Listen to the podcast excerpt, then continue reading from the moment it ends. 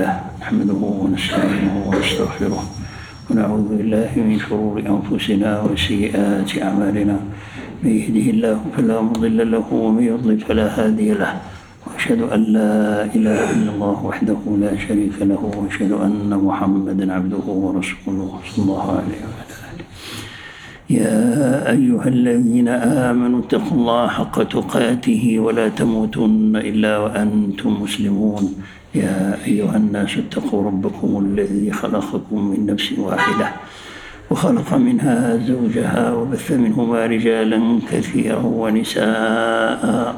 واتقوا الله الذي تساءلون به والأرحام. إن الله كان عليكم رقيبا. يا أيها الذين آمنوا اتقوا الله وقولوا قولا سديدا يصلح لكم يصلح لكم أعمالكم ويغفر لكم ذنوبكم ومن يطع الله ورسوله فقد فاز فوزا عظيما.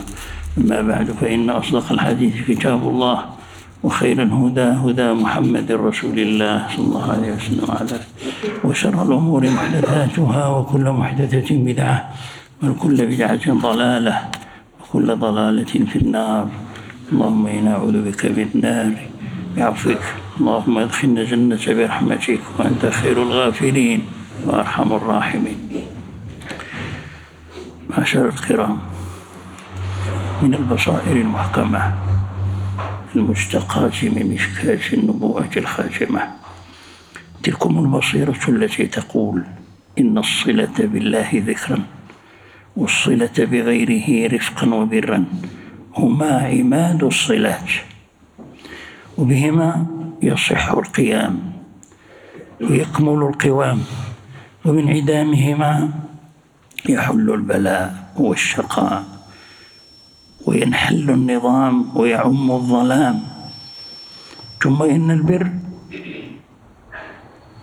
بالناس بخلق الله يحكمه الذكر وبحسبه يكون أثره وفائدته. إذا فالصلة بالله تعالى هي عماد الصلات الأخرى كلها إليها تستند وعليها تعتمد.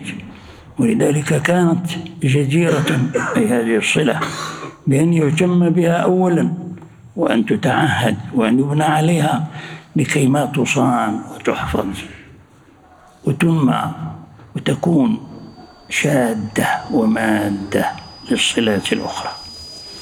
إن صلة المؤمن بربه ينبغي أن يطبعها الحب الحب له الحب فيه وحبه. قال صلى الله عليه وسلم أحب الله لما يغدوكم به من نعمه. رؤية الله منعما ومانا ومحسنا اقتضي من الرائي الشاهد المشاهد لهذه الآثار أن يحب ربه. الله أثنى على طائفة من عباده بقولهم يحبهم ويحبونه. إن الذين هم من خشية ربهم مشفقون والذين هم بآيات ربهم يؤمنون والذين هم بربهم لا يشركون. صلة المؤمن بربه ينبغي أن تكون صلة طواعية وعبودية واستجابة وإنابة بما أنه يرى في ربه كل شيء منه المجد وإليه السند يقول تعالى أولئك الذين يدعون يبتغون إلى ربهم الوسيلة أيهم أقرب ويرجون رحمته ويخافون عذابه. صلة مبدأها العلم والمعرفة بالله بآثاره آثار قدرته آيات رحمته وحكمته أسمائه وصفاته. لابد من أن تنطلق هذه الصلة من العلم الكبير بالله العلي العظيم الكبير. وغايتها ما تنتهي إليه الرضا بالله ربا ومدبرا ومقدرا ومشرعا. يقول تعالى وليعلم الذين أوتوا العلم أنه الحق من ربك فيؤمنوا به فتخبت له قلوبهم. فالإخبات هو غاية المعرفة. صلة على هذا المستوى. يستجيب لها العمق والسطح والسر والعلن وتحكم الظاهر والباطن وإليها تنتسب سائر الصفات وسائر الصلات صلة الإنسان بنفسه وصلته بغيره من الأشياء والأحياء. إنه يرى الأشياء والأحياء من خلال هذه الصلة ويزنها بميزانها فيرى الله قبل الأشياء. ويراه مع الأشياء ويراه بعد الأشياء.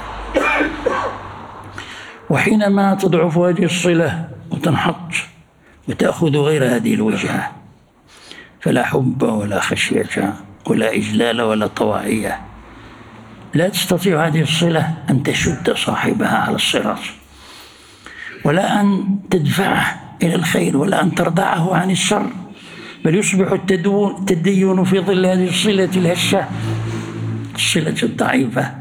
أسوأ من الانحراف الكلي إن التدين المصحوب بالغفلة والذهول والبرود والشرود تدين سخيف مهين لا اعتداد به ولا وزن له عند هذا الذي ندين له بالدين. لا في لا عند الناس الشرفاء ولا في ميزان الله حقا. لنا ربنا قص علينا من أنباء من مضوا من الأمم قبلنا للذكرى. ذكر فإن الذكرى تنفع المؤمنين.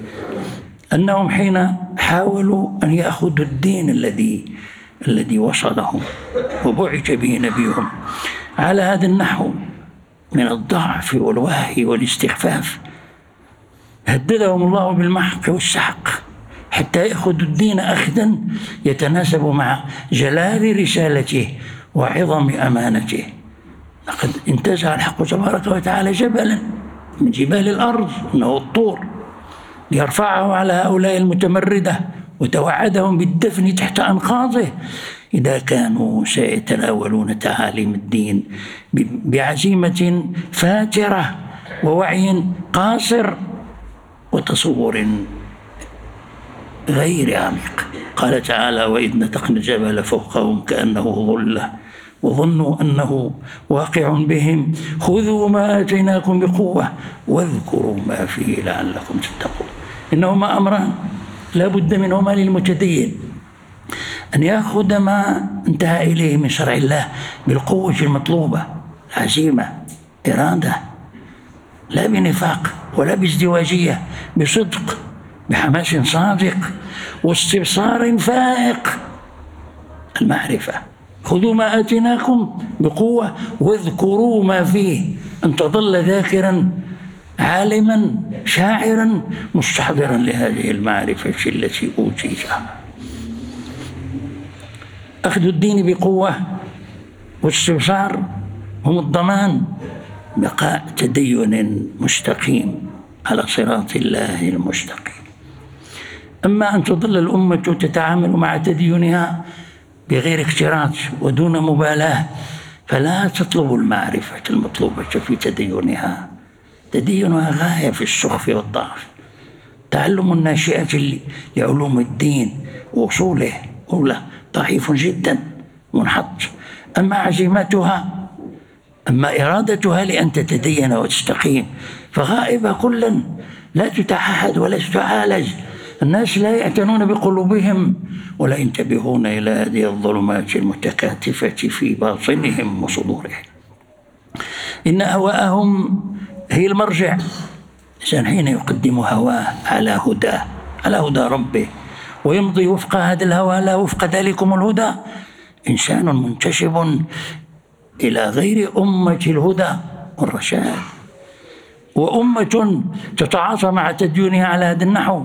ليست أمينة على رسالة الله ولا جديرة برعايته ما قصه القرآن من مشاهد في الأمم التي مضت من الناكثين لوعود الله ومعارفه. إنها إنما كانت من أجل أن تعمق الذكر بحضور هذه القصص حتى تتجاوز أسباب ذلك. وحتى تتحرى الأمة أن تحل في أن يحل بها ما حل بالأمم من قبلها. قال تعالى لقد كان في قصصهم عبرة لأولي الألباب. ما كان حديثا يفترى. ولكن تصديق الذي بين يديه وتفصيل كل شيء وهدى ورحمة لقوم يؤمنون. جعل الله وإياكم ممن ذكر فنفعته الذكرى. وخلص لله عمله سرا وجهرا. آمين آمين والحمد لله رب العالمين.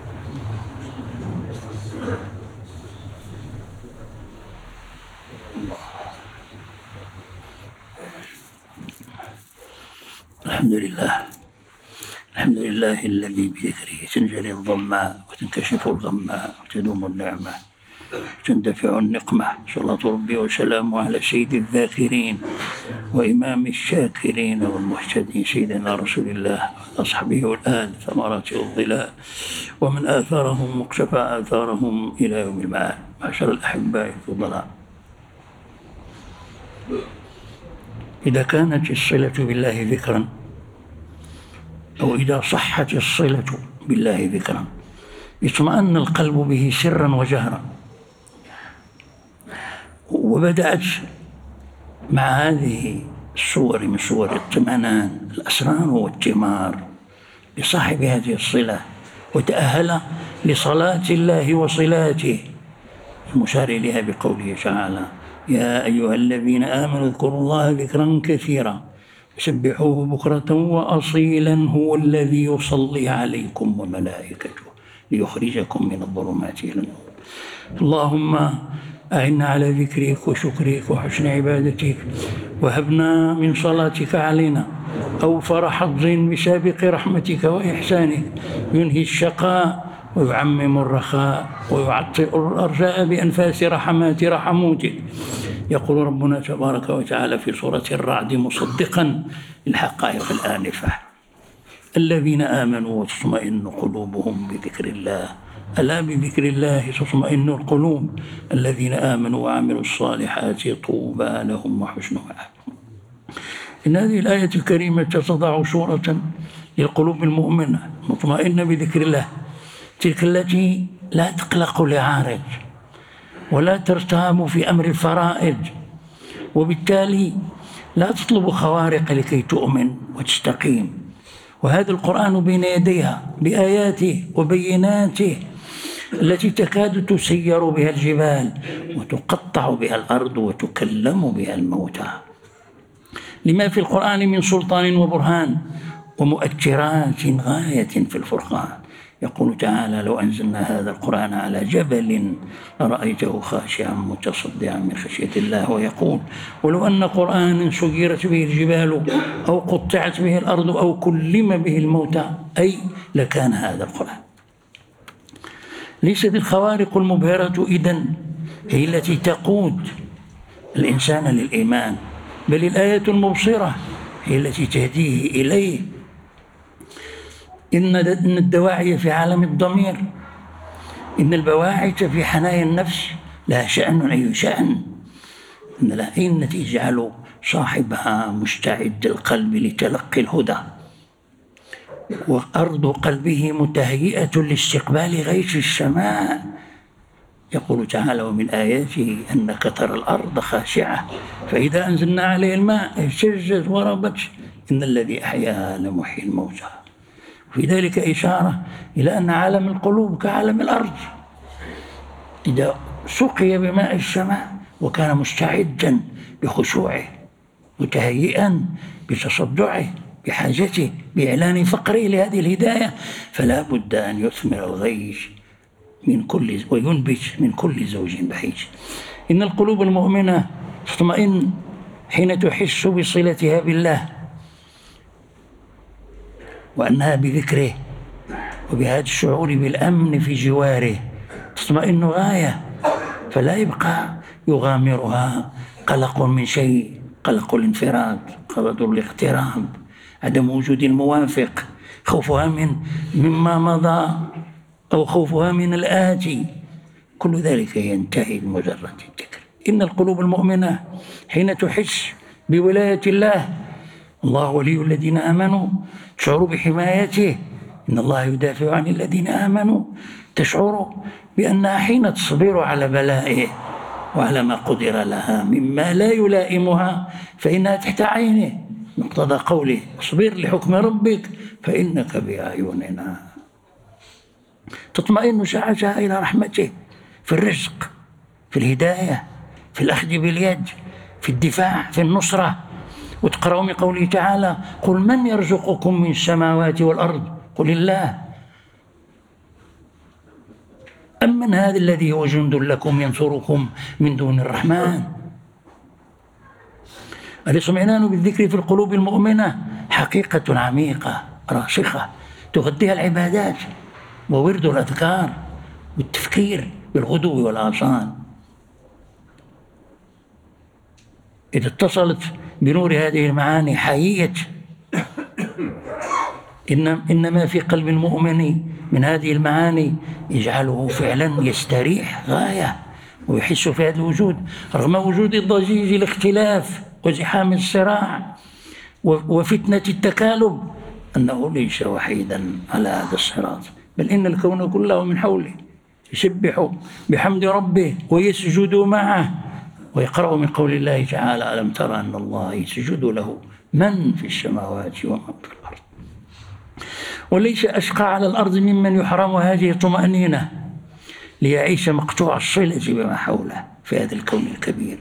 لأنه انفصم حقيقة من من العروة الوثقى التي تربطه. قال تعالى ومن يشرك بالله فكأنما خر من السماء فتخطفه الطير أو تهوي به الريح في مكان سحيق ليس أشقى ممن يحيا لا يدري لما جاء ولما خلق ولما يغادر ولما يسعى ويكد ويعيش على هذا النحو. نعم إن في الحياة لحظات عصيبة تعصف بكل تبات وصلامة إلا تبات من يأوي إلى ركن الله ورحابه العاصمة التي معناها قوله تعالى ألا بذكر الله تطمئن القلوب أي في أزمنة الفتنة وصراعها وضلالها وحيرتها وإعلامها وكل ما يجيء منها مما ليس على صراط. والمنتسبون إلى إلى هذا الرحاب المحسوبون على على رياض الذكر هم الذين يحظون بحسن المآب والمرجع وسلامة العاقبة.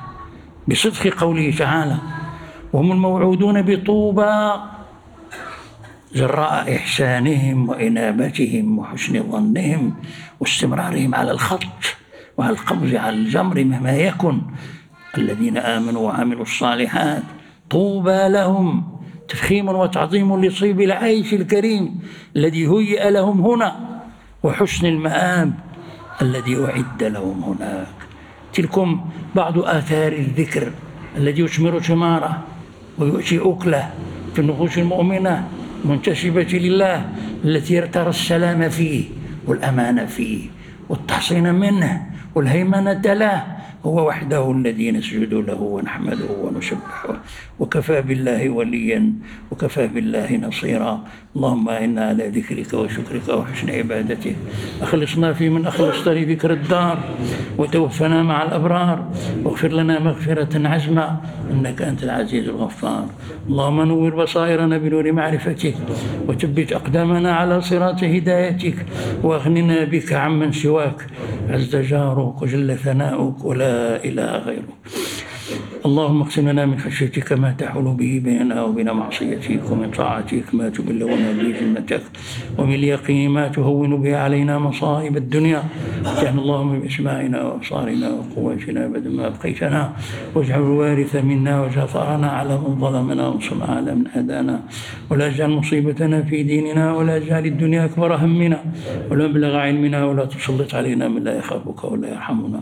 اللهم اشف مرضانا. اللهم ارحم موتانا. لنا اللهم نور على القبور من المؤمنين قبورهم. اللهم اغفر لهم ووفهم أجورهم. اجعلهم عندك في مقعد الصدق والرضا. والحقنا بهم مسلمين غير خزايا ولا مفتونين ولا فاتنين. اللهم نصرك للمستضعفين من المؤمنين وعونك للمخلصين من حماة الدين. اللهم من أراد بإسلام خيرا فوفق لكل خير ومن أراد به سوى ذلك فأعرض للمالك واكفناه بما شئت يا عزيز يا مقتدر. ووفق اللهم العائل الكريم وسدد خطاه على الصراط المستقيم. وهيئ له بطانة خير لا تري مقي بطانة أهل الشر والفساد. اجعل رحمة على البلاد والعباد يا من له الأولى والآخرة والمعاد. ربنا ظلمنا أنفسنا وإن لم تغفر لنا وترحمنا أن كنا من الخاسرين. اللهم اغفر لنا ولإخواننا الذين سبقونا بالإيمان. لا تجعل في قلوبنا غلا للذين آمنوا. ربنا إنك رؤوف رحيم. سبحان ربك رب العزة عما يصفون. وسلام على المرسلين. الحمد لله رب العالمين. الله.